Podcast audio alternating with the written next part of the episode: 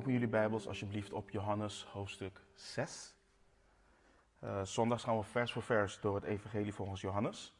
En vanochtend beginnen we aan hoofdstuk 6.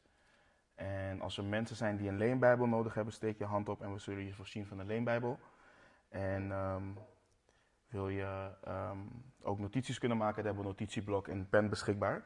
En daar zullen we je ook voor, uh, of in voorzien. Um, we behandelen Johannes 6, vers 1 tot en met 15.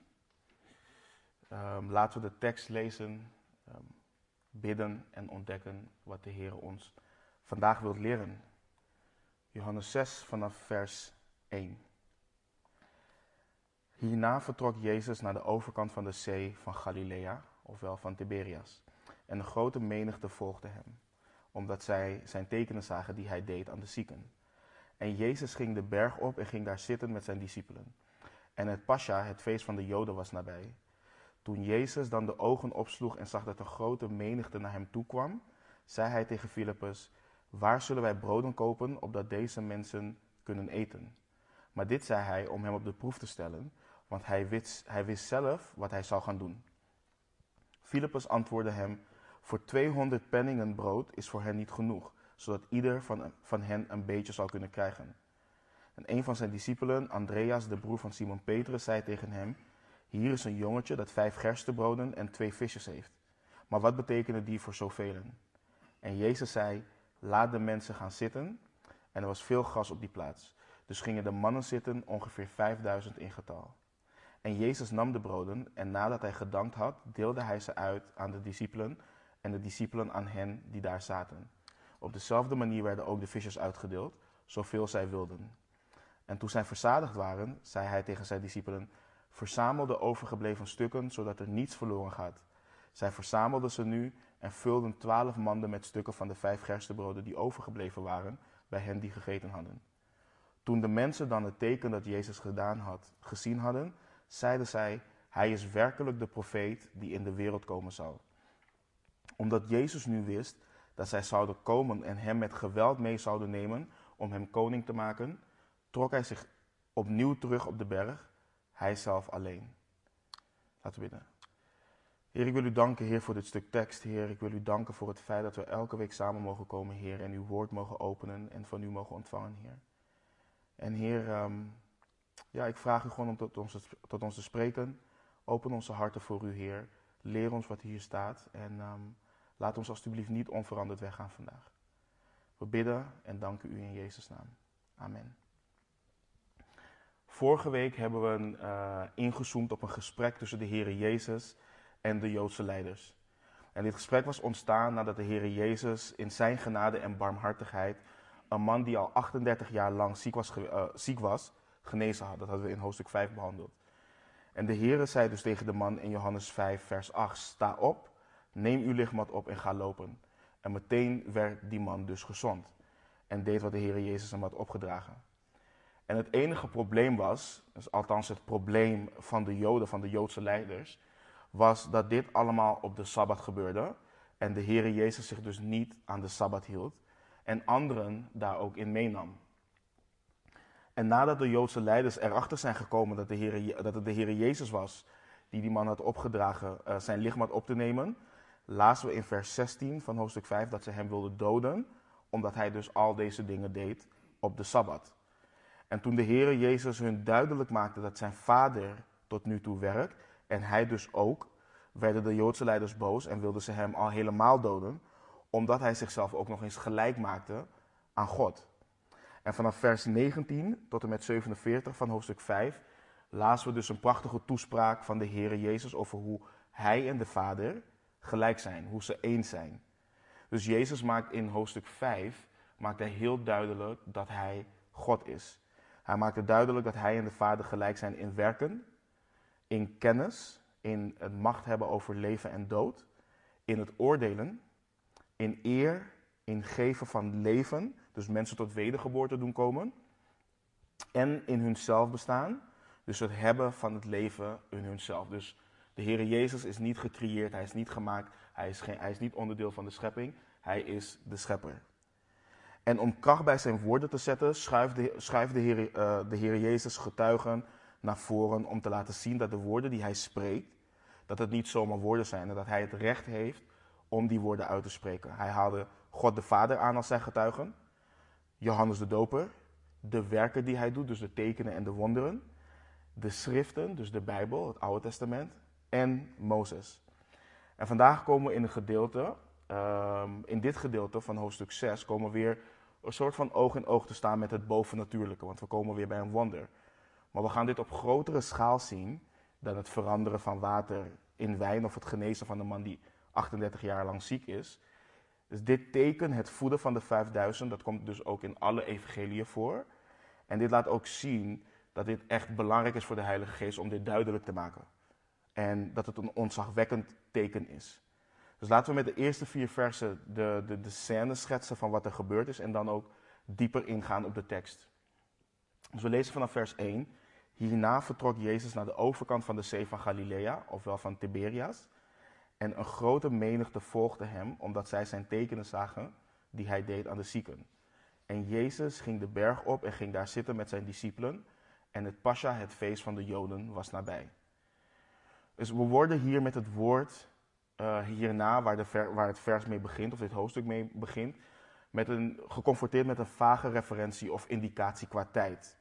Want het is niet duidelijk hoe de Heer, Jezus vanuit Jeruzalem, opeens in Galilea terecht is gekomen. En bij veel Bijbelleraren heeft dit ertoe geleid dat ze hoofdstuk 5 en hoofdstuk 6 qua volgorde eigenlijk omdraaien als het gaat om de chronologie. Um, en het herschikken van deze volgorde uh, en gebeurtenissen zou er wel voor zorgen dat het verhaal consistenter oogt. Dus van hoofdstuk 5, um, ehm, nou, dus van hoofdstuk 4 naar hoofdstuk 6 en dan naar hoofdstuk 5. Maar we hebben niet genoeg bewijs om te kunnen ondersteunen dat, dit daadwerkelijk moet gebeuren. En er zijn in dit evangelie, in het evangelie volgens Johannes, zijn er meerdere geografische en chronologische issues. Um, maar die lossen we niet op door de hoofdstukken te gaan herschikken. En ik denk ook niet dat het nodig is om deze issues op te, uh, op te willen lossen. Omdat het voor de apostel Johannes, die geleid wordt door de Heilige Geest, uh, blijkbaar ook niet de hoogste prioriteit heeft om het leven en de bediening van de Heer Jezus in chronologische volgorde op te schrijven. De, de apostel Johannes heeft simpelweg één doel met het evangelie en dat is dat de wonderen en tekenen in dit boek opgeschreven zijn, opdat men zal geloven dat Jezus de Christus is, de Zoon van God. En door te geloven zal men leven hebben in zijn naam. Dat is het doel. En dat is dan ook hoe we dit evangelie moeten benaderen.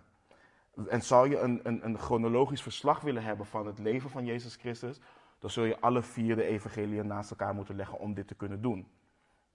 En als de Heer het toelaat en we ook alle boeken van de Bijbel hier hebben behandeld, uh, zullen we een keer ook het leven van de Heer en zijn bediening in chronologische volgorde gaan behandelen. Want het is wel echt een zegen om te zien hoe dat, hoe dat allemaal zo mooi loopt.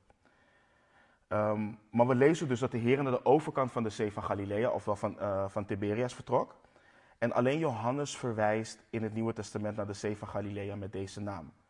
En in het midden van de jaren 20 voltooide Herodes dus ook de bouw van, deze, van de stad Tiberias aan de zuidwestelijke oever van het meer. En na deze tijd werd de naam ook gebruikt voor de zee ook zelf. Dus waarom, dat is waarom er staat, ofwel Tiberias. En we lezen dat een grote menigte hem volgde. Maar niet zomaar. Ze volgden hem omdat zij zijn tekenen zagen die hij deed aan de zieken. En Johannes vertelt ons niet specifiek wat deze tekenen zijn, maar in de andere evangeliën lezen we meer over zijn werken in Galilea. Maar we zien hier ook weer wat de apostel Johannes bedoelt in hoofdstuk 2, wat we hebben behandeld een aantal weken geleden. Dat de Heer zichzelf aan niemand toevertrouwde, omdat hij hen allemaal kende. Hij weet wat er in de mens is. En we gaan later ook in dit hoofdstuk zien dat deze mensen de Heer Jezus niet volgen omdat ze daadwerkelijk geloven dat Hij de Messias is, dat Hij de Christus is. Ze volgen Hem omwille van de tekenen, maar zijn geen volgelingen van Hem in hun hart. En ook vandaag de dag heb je dan ook mensen die claimen te geloven in de Heer Jezus. Ze claimen volgelingen van Hem te zijn, maar die, ze zijn het niet omwille van wie Hij is of omwille van Zijn woorden.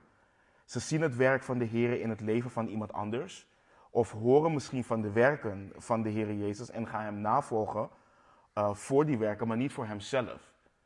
Dus wat zie je? Je ziet dat mensen bijvoorbeeld zegeningen krijgen van de Heer. Je ziet dat het dat hand van de Heer in iemands leven is. En mensen zien van, oh, hij krijgt een goede baan, hij krijgt een goede auto, hij krijgt dit, hij krijgt dat. En wat willen ze dan? Ze willen die baan, ze willen die auto. Dus ze gaan hem niet navolgen omwille van het feit dat hij de Christus is en omdat ze zondig zijn. Nee, ze gaan hem navolgen omdat ze ook die zegening willen. Of omdat ze alleen die zegeningen willen. En we lezen dus, de Heer Jezus ging de berg op en ging daar zitten met zijn discipelen. En het Pascha, het feest van de Joden, was nabij. Meerdere malen lezen we uh, in de verslagen van de evangelie dat wanneer de Heer gaat uh, zitten met zijn discipelen, dat hij ze gaat onderwijzen. En dat zien we bijvoorbeeld ook in Matthäus 5, uh, waar we de zaligsprekingen lezen. En Johannes laat ons weten dat het Pascha is, het feest van de Joden. En het Pascha werd gevierd door de Joden uh, ter herdenking van de bevrijding van het volk van Israël uit Egypte. En in Exodus 12 lezen we hoe het Pascha wordt ingesteld. Dus de nacht van het eerste Pascha was de nacht van de tiende plaag. We kennen de tien plagen uit, uh, uit Exodus. En God gaf de Israëlieten de opdracht om een lam zonder enig gebrek te slachten en het bloed van het lam aan beide deurposten te strijken en aan het bovendorpel van, uh, van het huis.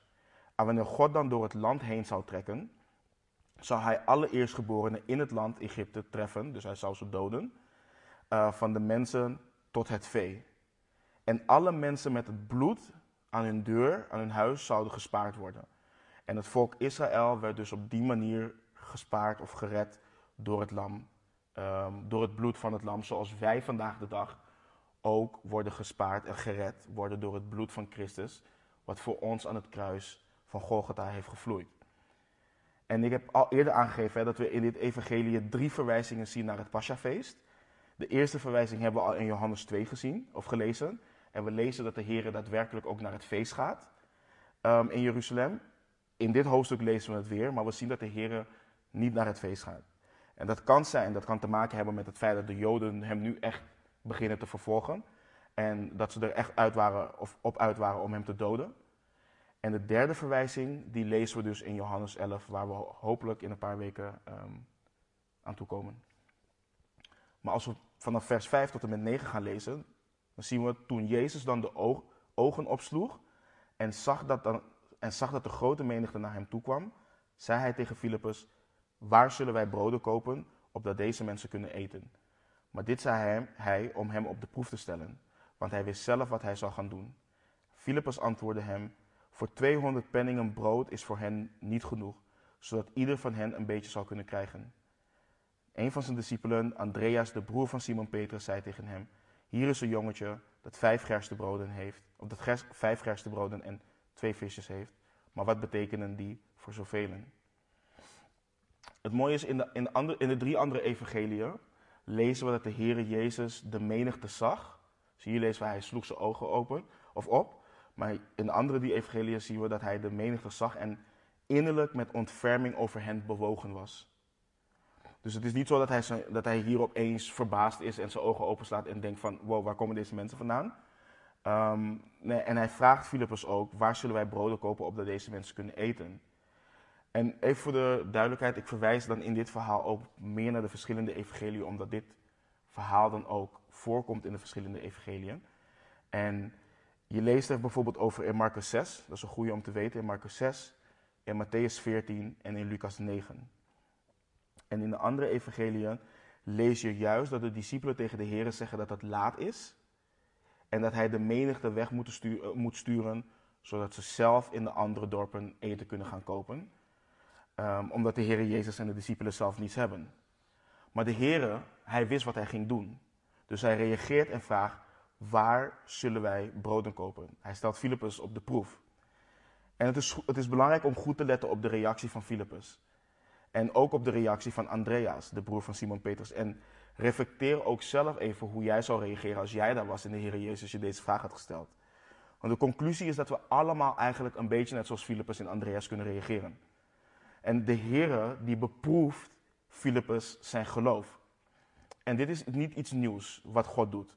Het geloof van Gods volgelingen is vaker op de proef gesteld in de geschiedenis. En Voordat ik verder ga daarop, is het belangrijk om het volgende te melden. God beproeft ons geloof. Um, of hij laat beproeving toe van ons geloof, maar hij verzoekt ons nooit in de zin dat wij tegen hem zouden zondigen. Dus die twee dingen zijn wel heel belangrijk om te vermelden. Je hebt het beproeven van je geloof en je hebt het feit dat je verzocht wordt, bijvoorbeeld door de vijand of bijvoorbeeld door je vlees, om te zondigen tegen God. En dat is iets wat God niet doet, want Jacobus zegt ook, ik weet niet of ik hem hier heb. Nee, ik heb hem niet. Maar ik zal hem voorlezen. Jacobus 1, vers 13. Laat niemand zeggen als hij verzocht wordt, ik word door God verzocht. God immers kan niet verzocht worden met het kwade en hij zelf verzoekt niemand. Jacobus 1, vers 13.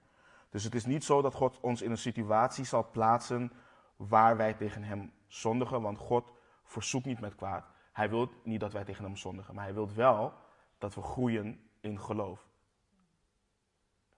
En denk dus ook aan het verhaal bijvoorbeeld van Abraham en Isaac in Genesis 22. Abraham heeft lang gewacht op een zoon. De Heer heeft hem een zoon beloofd.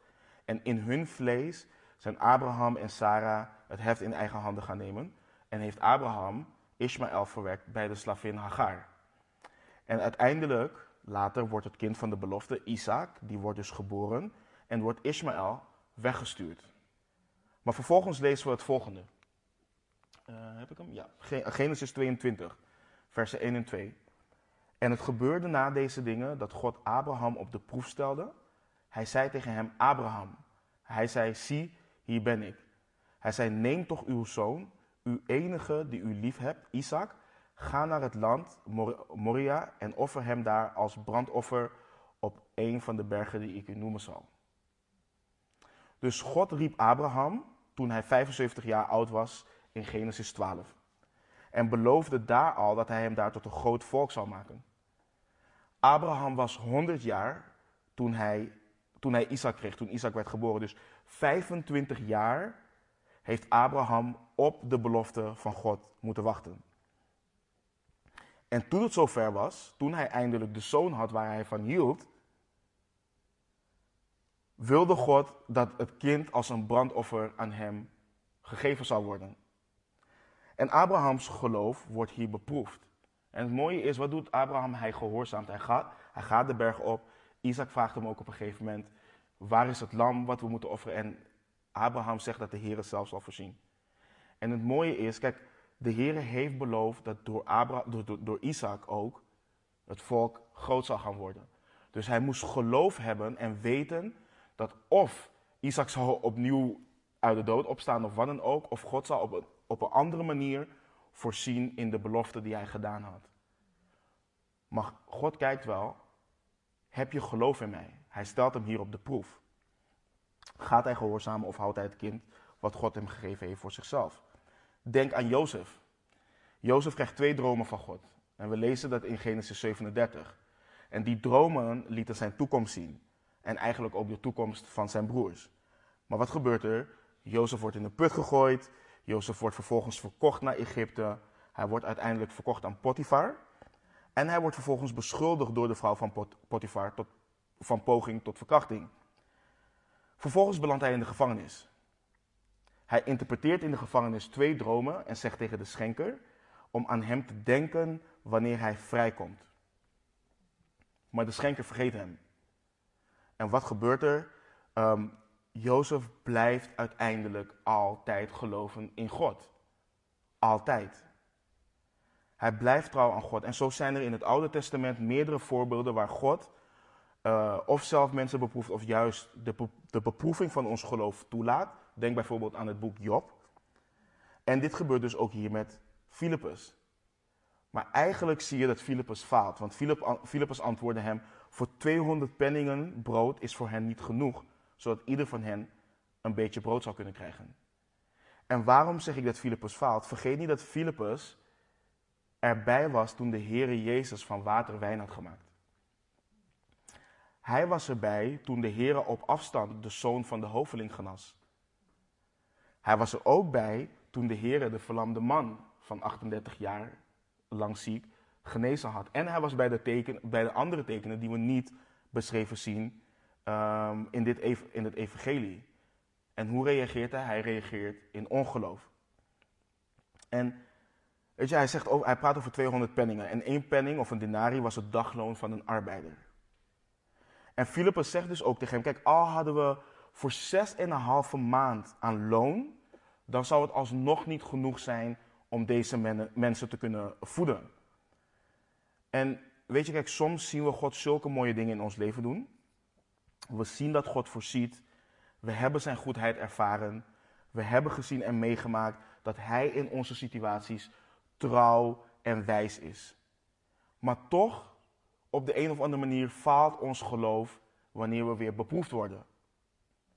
Toch kijken we net zoals Filippus naar de omstandigheden in plaats van naar de Here. En de vraag is dan, hoe reageren wij op, op, op, op situaties die op ons afkomen in de waan van de dag?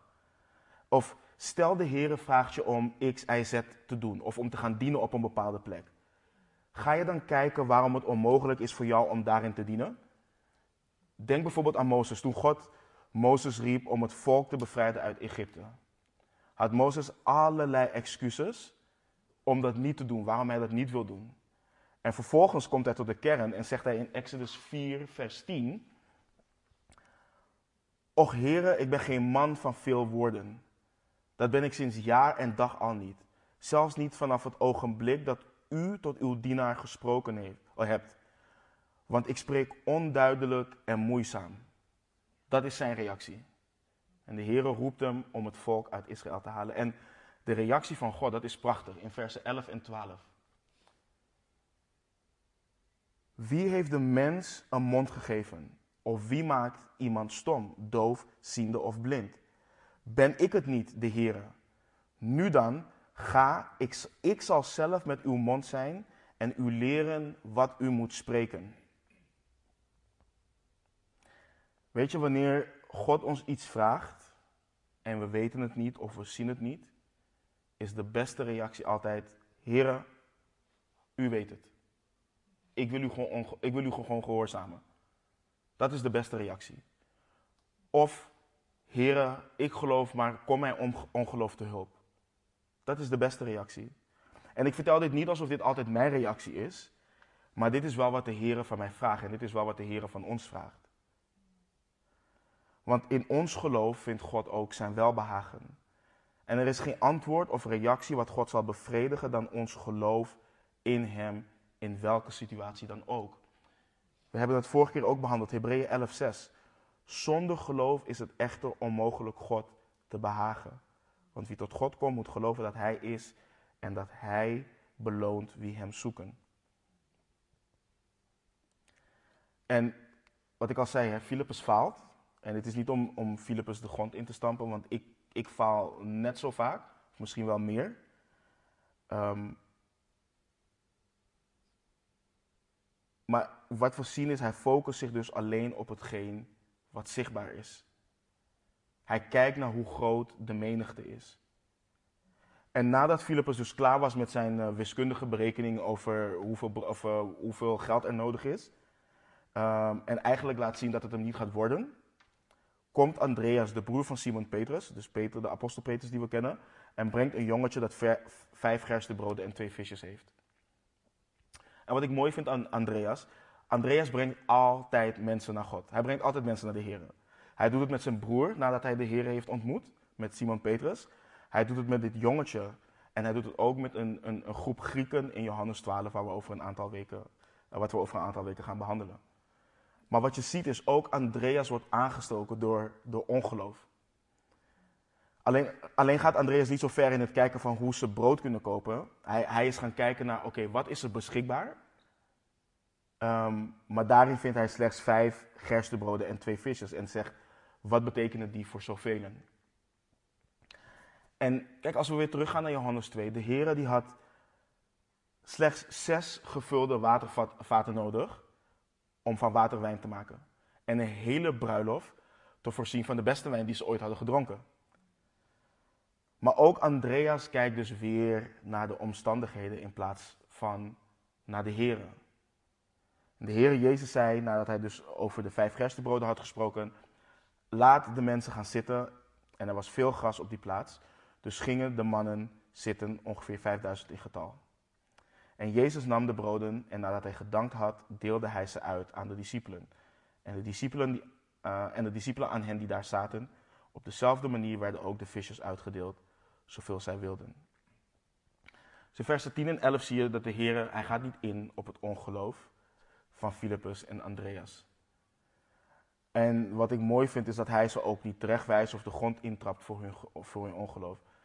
En weet je, voor mij is dit ook een ding. Kijk, laat dit gedeelte ons hart ook nederig maken. Laten we niet roemen in hoe groot ons geloof is. En laten wij ook niet neerkijken op mensen die volgens ons nog moeten groeien in geloof. Ongeloof is iets waar wij allemaal mee worstelen, op wat voor gebied dan ook. Laten we dus in alle nederigheid aan de Heer vragen om ons ongeloof tegemoet te komen. En om het geloof van, uh, of het ongeloof tegemoet te komen van de mensen die dus worstelen met, met ongeloof.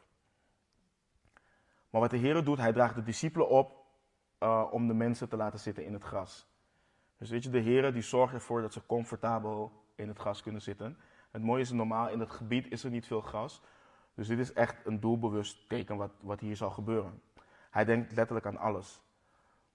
In Marcus en in Lucas lezen we dat ze gingen zitten in groepen van 50 en 100.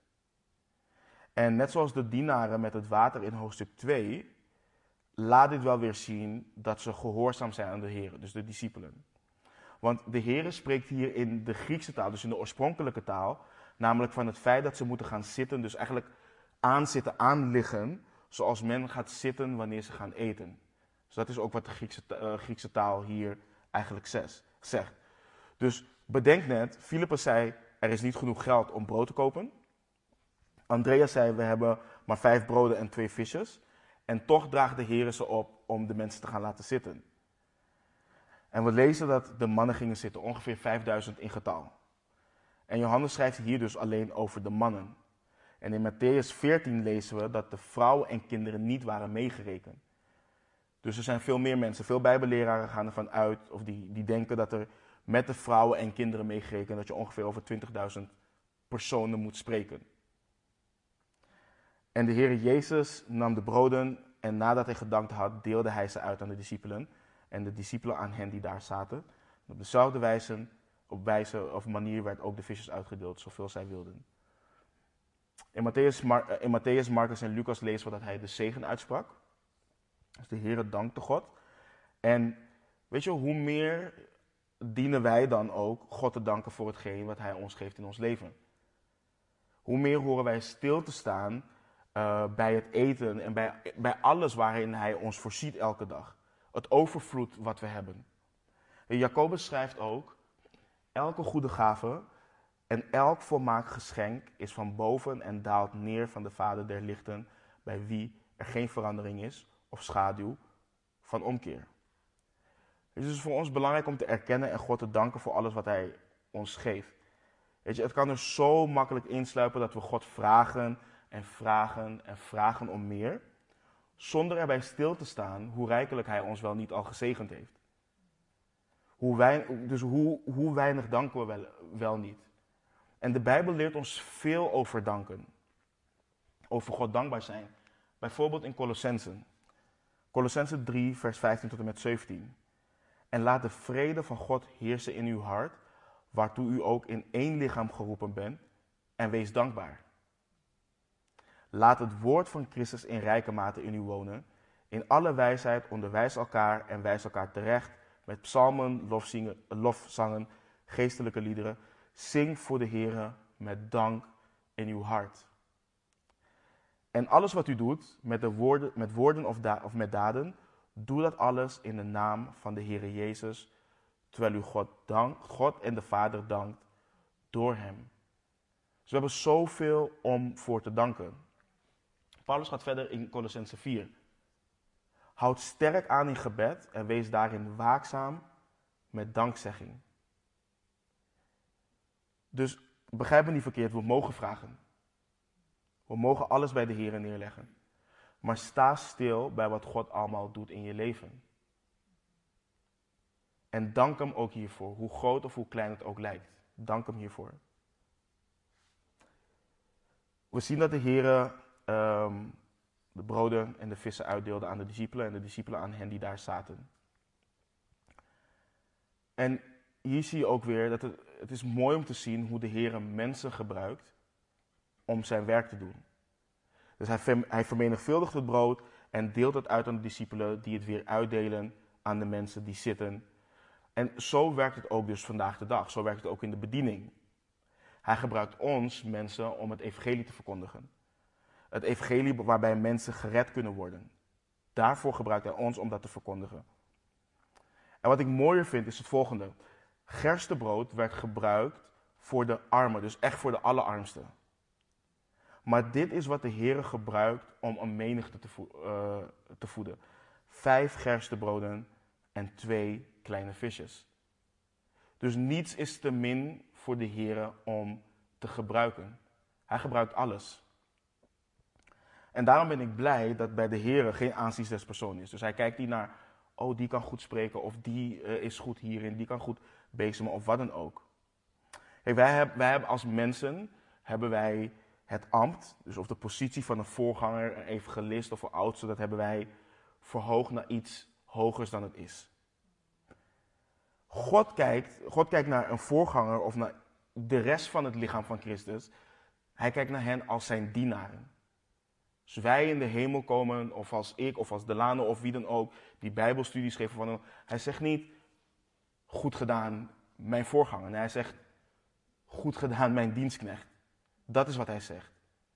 Weet je, en je ziet dus dat de Heer iedereen gebruikt. En we hebben allemaal verschillende rollen, maar hij kan en wil een ieder gebruiken. Hij wil een ieder voeden met het evangelie. Het is niet alleen weggelegd voor een voorganger, voor een oudste, voor een bijbelleraar of wat dan ook, of voor, voor een evangelist. Het is voor iedereen weggelegd, voor iedere christen. Dus hij voedt, weet je, ik, ik, ik denk erbij na. Kun je je voorstellen hoe de discipelen zich moeten hebben gevoeld? Van ongeloof naar verwondering. Dus de Heere Jezus voedt door hen 5000 mannen. Dus we hebben het niet over de kinderen en over de vrouwen. 5000 mannen met vijf gerstebroden en twee visjes. En we lezen uiteindelijk niet veel meer over de visjes, omdat we ook later gaan zien dat de focus op het brood ligt. Want dat is ook waar de toespraak, wat we volgende week gaan behandelen, waar, waar het brood uh, centraal staat. Maar ze konden zoveel eten, zoveel zij wilden. Dit, gaf, dit geeft dus letterlijk aan, ze konden eten totdat ze bomvol waren. Ik bedoel, we, we, we, kennen allemaal het concept van all you can eat. Weet je, dan kun je gewoon, je betaalt een bedrag, je kunt eten totdat je vol zit. En hier ook, ze kunnen gewoon eten tot ze bomvol zijn. En we gaan ook zo meteen zien dat ze verzadigd waren. Dit, impliceert, dit impliceert letterlijk, er was gewoon te veel eten. En ik wil even kort nemen um, om bij het volgende stil te staan. Wat ik net al zei, hè? dit is het enige wonder, afgezien het feit dat de Heer Jezus uit de dood opstaat, is dit het enige wonder dat in alle vier de evangelie opgenomen is. En ik zei al, hè, dit laat al zien hoe belangrijk dit, uh, dit verhaal is. De Heilige Geest vond het nodig om het in alle vier de verslagen op te nemen. En dit verhaal is ook eigenlijk een van de bekendste tekenen die de Heer doet. Maar het is ook een van de tekenen, of het teken, waar de meeste mensen moeite mee hebben. En er zijn mensen, zelfs bijbelleraren, die dit wonder proberen te verklaren. Ze gaan het rationeel proberen te verklaren. Ze proberen te verklaren door middel van logica of door middel van wetenschap. En er zijn verschillende manieren waarop mensen hiernaar kijken. En ik ga niet in, of ik ga niet dieper in op de verschillende uh, um, beelden die mensen hebben of de verschillende manieren waarop mensen kijken. Maar omdat je steeds meer mensen ziet, en daarmee bedoel ik vooral ook beleidende christenen, die op de een of andere manier niet geloven dat dit echt is gebeurd, of denken dat er een natuurlijke verklaring is um, voor hetgeen wat hier gebeurt, wil ik bij het volgende stilstaan. De meeste Bijbelverhalen met een wonder zijn niet logisch. Je kan ze niet met logica verklaren. Daarom noemen we het ook een wonder. Daarom noemen we het een teken. 2000 jaar geleden waren het wonderen. Vandaag de dag zou het ook nog steeds een wonder zijn. En in het jaar 4019 is het ook nog steeds een wonder.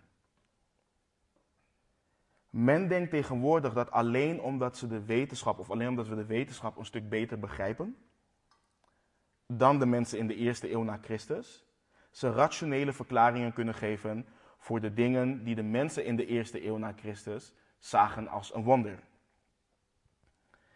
En dit, geeft ding heeft simpelweg te maken met een gebrek aan ontzag en geloof in Gods macht en in hoe groot Hij is. En ik wil ons behoeden voor het maken van dezelfde fout. Kijk, God is groot. Hij heeft het niet nodig dat de wetenschap de dingen bevestigt die Hij doet of die Hij niet doet. Kijk, wij dienen de God die, waarvan geopenbaard is dat Hij in het begin de hemelen en de aarde schiep. Dat is de God die wij dienen, waarvan we in Genesis 1, vers 1 dat lezen. En wanneer je Genesis 1, vers 1 leest, je begrijpt het, je accepteert het, je gelooft het, dan is niets, maar dan ook niets in de Bijbel moeilijk om te begrijpen of te geloven. Als je Genesis 1, vers 1 kan begrijpen en accepteren, dan heb je nergens in de Bijbel moeite mee. Dan is het niet onmogelijk om te begrijpen dat God een ezel gebruikt, door een ezel spreekt, om een profeet iets duidelijk te maken. Het is dan ook niet onmogelijk om te begrijpen dat God de, de Rode Zee splijt. Het is dan ook niet onmogelijk om te begrijpen hoe God de Heere Jezus uit de dood doet opstaan. Of dat de Heere Jezus uit de maagd is geboren. Als we Genesis 1 vers 1 begrijpen, dan begrijpen we dat niets onmogelijk is voor God.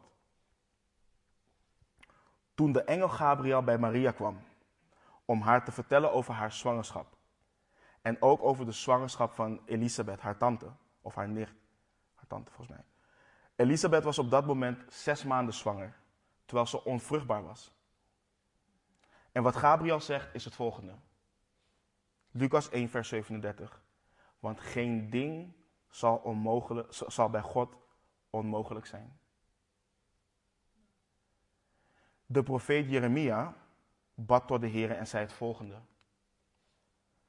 Ach, Heere, Heere, zie, u hebt de hemel en de aarde gemaakt door uw grote kracht en door uw uitgestrekte arm. Niets is voor u te wonderlijk. Jeremia 32, vers 17. En in hetzelfde hoofdstuk antwoordt de Heer in vers 27. Hij zegt zelf, zie, ik ben de Heer, de God van alle vlees. Zal ook maar iets voor mij te wonderlijk zijn. Jeremia 32, vers 27. Weet je, kijk, er zijn sommige dingen die we niet zullen begrijpen aan deze kant van de eeuwigheid. En we krijgen ook geen uitleg, bijvoorbeeld hier, in hoe het brood, of hoe de broden en de vissen vermenigvuldigd zijn. Maar het hoeft ook niet. En het zal voor de wereld, uh, de wereld zal ons daar misschien goed gelovig in noemen, of ze zullen ons naïef in noemen. En laat ze dat maar doen. Maar nogmaals, ik geloof in de God van Genesis 1, vers 1. En nogmaals, als jij dat ook gelooft, dan is niets voor God te moeilijk. Want als hij uit niets het, heel, het hele universum kan creëren, dan kan hij met vijf gerstebroden heel makkelijk 5000 of 20.000 mensen voeden. Versen 12 tot en met 13. En toen zij, uh, uh, en toen zij verzadigd waren, zei hij tegen zijn discipelen: Verzamel de overgebleven stukken, zodat er niets verloren gaat. Zij verzamelden ze nu en vulden twaalf, maanden, manden met stukken van de vijf gerstebroden die overgebleven waren bij hen die gegeten hadden. Dus de mensen die hadden genoeg gegeten, meer dan genoeg. Ik kan me voorstellen, weet je, ik, ik ben lang niet naar een all you can eat geweest, maar volgens mij weten we wel hoe we daar weggaan. We gaan je kunt amper, amper lopen. Toen ik echt naar all you can eat ging, moest ik gewoon weggerold worden. Dus deze mensen waren verzadigd. Dat is wat, ze, wat hier ook bedoeld wordt. Ze zaten gewoon vol. Ze waren tevreden.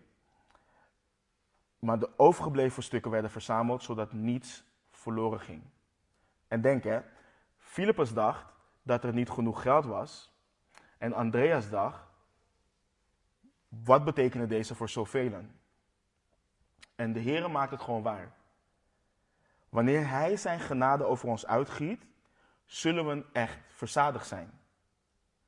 Denk aan de woorden in hoofdstuk 4. Maar wie drinkt van het water dat ik hem zal geven, zal in eeuwigheid geen dorst meer krijgen, Maar het water dat ik hem zal geven, zal in hem een bron worden van water dat opwelt tot in het eeuwig leven. Johannes 4, vers 14. En volgende week, wanneer we gaan we dit vers ook behandelen. Johannes 6, 35. Ik ben het brood des leven, levens. Wie tot mij komt, zal beslist geen honger hebben. En wie in mij gelooft, zal nooit meer dorst hebben. In Christus zijn we verzadigd. Volledig verzadigd. We hoeven niks van de wereld. We hoeven er niks bij. In Christus hebben we letterlijk alles in alles. En weet je wat het is? Kijk, mensen, wanneer je tot geloof komt en mensen zien dat je leven verandert, dan vragen ze je, oké, dan denken ze, oh, je gaat bijvoorbeeld niet meer naar feesten, of je gaat dit niet meer doen, of je drinkt niet meer, of je doet dat niet meer. En ze denken dat het allemaal komt omdat er regels staan in de Bijbel.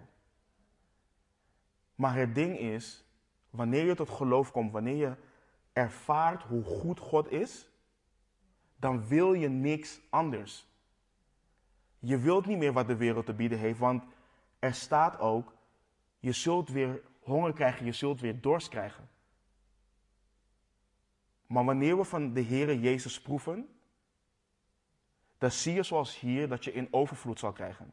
En ik heb het hier niet over dat er opeens een Tesla of wat dan ook voor de deur zal staan, maar je zult rust ervaren wat je nog nooit in je leven hebt ervaren. Je zult letterlijk voldaan zijn. En waarom zul je voldaan zijn? Omdat je de nut, zin van het leven hebt ontdekt. Omdat we gemaakt zijn voor God. En niet alleen voor Hem, maar om ook een leven met Hem te leiden. En het feit dat we zoeken naar dingen in het leven heeft te maken met het feit dat we, we weten niet waarom we hier zijn en we willen verzadigen. We denken dat het hier is, we denken dat het daarin zit. En wanneer je Jezus Christus vindt, snap je, nee, dit is het. Dit is het. Dus in Christus hebben we alles in alles, meer dan genoeg. Je ziet ook dat de Heer zijn genade niet verspilt. Weet je, ook al is er nog een overvloed aan brood over, laat hij het niet verloren gaan. Twaalf manden, manden vol bleef er over. Dus de Heer verspilt niets. En ik, ik, wil dingen niet zomaar vergeestelijken, maar ik kan niets anders dan veroordeeld, veroordeeld raken in hoeveel ik verspil van wat ik van de Heer heb ontvangen. Denk aan tijd. Denk aan geld. Vul zelf maar in, misschien woorden, wat dan ook. Dingen die je verspilt. En mocht jij, kijk, ik ben er in ieder geval van overtuigd en veroordeeld van geraakt. En mocht dat bij jou ook zijn, zo zijn, verzamel al die dingen en gebruik ze voor God. Gebruik je tijd voor God. Weet je, dat is, als je kijkt naar menselijk gezien, is dat een van de meest kostbare dingen die we hebben. Gebruik je tijd voor God. Breng, ze, breng het naar de Heer. Laat niets daarvan verloren gaan.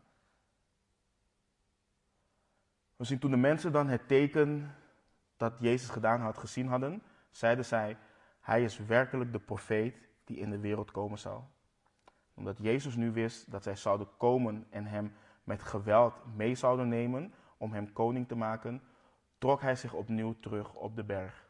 Hij zelf alleen. Weet je, kijk, deze versen zijn eigenlijk best wel triest. Het laat weer de staat zien van het Jodendom. En zoals ik al eerder zei, hè, de staat van de mensen ook die Jezus Christus nu willen navolgen of claimen, daarna, claimen na te volgen. Maar daarbovenop ook de staat van de mensen die anderen naar Christus willen brengen. Kijk, deze mensen ze konden niet erkennen dat de Heer Jezus de profeet is waar Mozes over had geschreven in de wet. In Deuteronomium lezen we ook: Ik zal een profeet voor hen doen opstaan uit het midden van hun broeders zoals u. Ik zal mijn woorden in zijn mond geven en alles wat ik hem gebied, zal hij tot hen spreken. Deuteronomium 18, vers 18. En je ziet ergens wel het effect van een teken. Hè? Je kunt niets anders dan erkennen dat de Heer Jezus door God gezonden is. Maar het doel waarmee hij gezonden is, dat hebben ze verkeerd. Daar keken ze niet naar. Het enige wat, waar ze aan dachten is dat deze profeet hun zou verlossen van de heerschappij van Rome. Van Rome. Ze wilden hem tot koning kronen. En niet zomaar, ze wilden hem met geweld tot koning, tot koning kronen.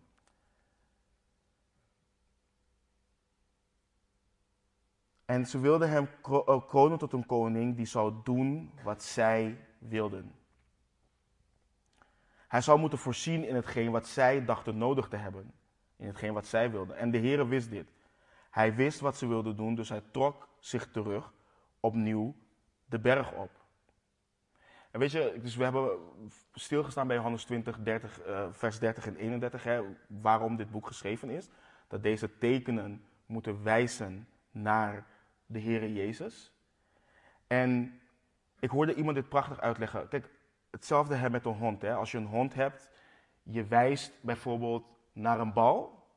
En wat, wat een hond doet, is hij kijkt naar je vinger. Hij kijkt niet naar de bal. En deze mensen, er wordt een teken gedaan. En wat doen deze mensen? Ze kijken naar het brood. Ze kijken niet naar degene die het brood geeft. Ze kijken niet naar de Heer Jezus. Ze kijken naar het brood. Dus ze hadden geen bewondering voor wie de Heer daadwerkelijk was. Deze mensen waren alleen op zoek, eigenlijk, als je het zo kan zeggen, ze waren alleen op zoek naar sensatie. wanneer je weet dat een profeet door God gezonden is, dan zou je denken dat men wilt weten wat God van hem wilt. Want dat is, dat is wat de profeet doet. Hij geeft de woorden van God door. Hij wijst mensen op God. Dus je zou denken dat ze op zoek zouden gaan naar Gods wil, in plaats van die profeet forceren te doen wat hun eigen wil is. Dus, en het, trieste is, deze mensen beseften niet dat ze de Heer Jezus eerst zouden moeten accepteren als het lam van God dat de zonde van de wereld wegneemt. Hun zonde zou wegnemen. Maar ze wilden hem dus gelijk met geweld kronen tot koning. En van een profeet of een priester die tussen hun en God zou, zou middelen, daar wilden ze niets van weten. Ze hadden daar geen behoefte aan. En zo heb je dus ook tegenwoordig mensen die geen behoefte hebben als de Heer Jezus, als het lam van God. Of als de Heer Jezus, of in de Heer Jezus als hun Heer en Meester van, het leven, van hun leven. Dus ze willen een Jezus die wonderen doet. Een Jezus die hun bankrekening vult. Een Jezus die hun zonde vergeeft, die hun zegent, maar zich bekeren en zich onderwerpen aan de heerschappij van Christus, dat willen ze niet. Ze willen de gave, maar niet de gever. En dit heeft met een aantal dingen te maken. Kijk, een persoon wil zich gewoon niet onderwerpen, net zoals de Joden dit niet willen. Ze willen simpelweg hun leven niet geven. En we hebben dat vorige week gelezen. Heb ik hem hier? Nee, ik heb hem niet. De Heer Jezus zei in Johannes 5, vers 40: En toch wilt u niet tot mij komen, opdat u leven hebt. Dus, dus de Jezus die zij willen, is niet de Jezus die God aan hun gegeven heeft. Het is een eigen gemaakte Jezus. En het tweede, dat vind ik bijna nog zorgelijker, en dat heeft te maken met de Jezus die beleidende christenen verkondigen. Dus ze prediken bijvoorbeeld een Jezus vol genade, maar zonder waarheid. Ze prediken een Jezus die hun bankrekening zal vullen, die hun zal genezen, die hun alles zal geven wat hun hart, hartje begeert, behalve het belangrijkste wat Hij hun al gegeven heeft. Het feit dat hij, zich, dat hij zelf aan het kruis genageld is voor hun zonde. Het feit dat hij zichzelf gegeven heeft, zichzelf als verzoening, om hun relatie tussen hun en God te kunnen herstellen. Dus ik roep iedere beleidende christen op, predik Jezus Christus zoals hij in de Bijbel staat. Predik geen valse Christus. Verkondig niet de geest van Aladdin die drie wensen zal vervullen en dat soort dingen. Dat is niet de Jezus die we lezen in de Bijbel. De Jezus die we lezen in de Bijbel is naar aarde gekomen, zodat hij mensen kon verzoenen met God. En de Jezus die we dienen, die zegent ons. We hebben zegeningen in de hemelse gewesten. Het feit dat we eeuwig leven krijgen van Hem, is meer dan een Tesla. Het is meer dan een feest. Het is meer dan een gevulde bankrekening. Die dingen zullen we hier achterlaten. En uiteindelijk zullen we de eeuwigheid met God doorbrengen. Dat is de Jezus die we moeten verkondigen. De Jezus die dat mogelijk maakt. En je ziet dus dat de Heer zich terugtrekt. En weet je, we hoeven niet hard te zijn omwille van hard, maar. En we hoeven een persoon niet te vertellen hoe verschrikkelijk ze zijn, of wat dan ook. Maar we moeten wel vertellen dat ze zondig zijn en een groter probleem hebben dan het huis wat ze willen of de ziekte die ze misschien hebben. Een persoon heeft niet alleen het brood nodig, maar juist de gever van het brood. Een persoon heeft Jezus Christus nodig zoals hij geopenbaard is en wordt in de Bijbel. Amen. Laten we bidden. Heere God, we willen u danken, Heer, voor het feit dat u zo goed bent, Heer. Heer, we willen u danken, Heer, voor het feit dat u het brood des levens bent, Heer.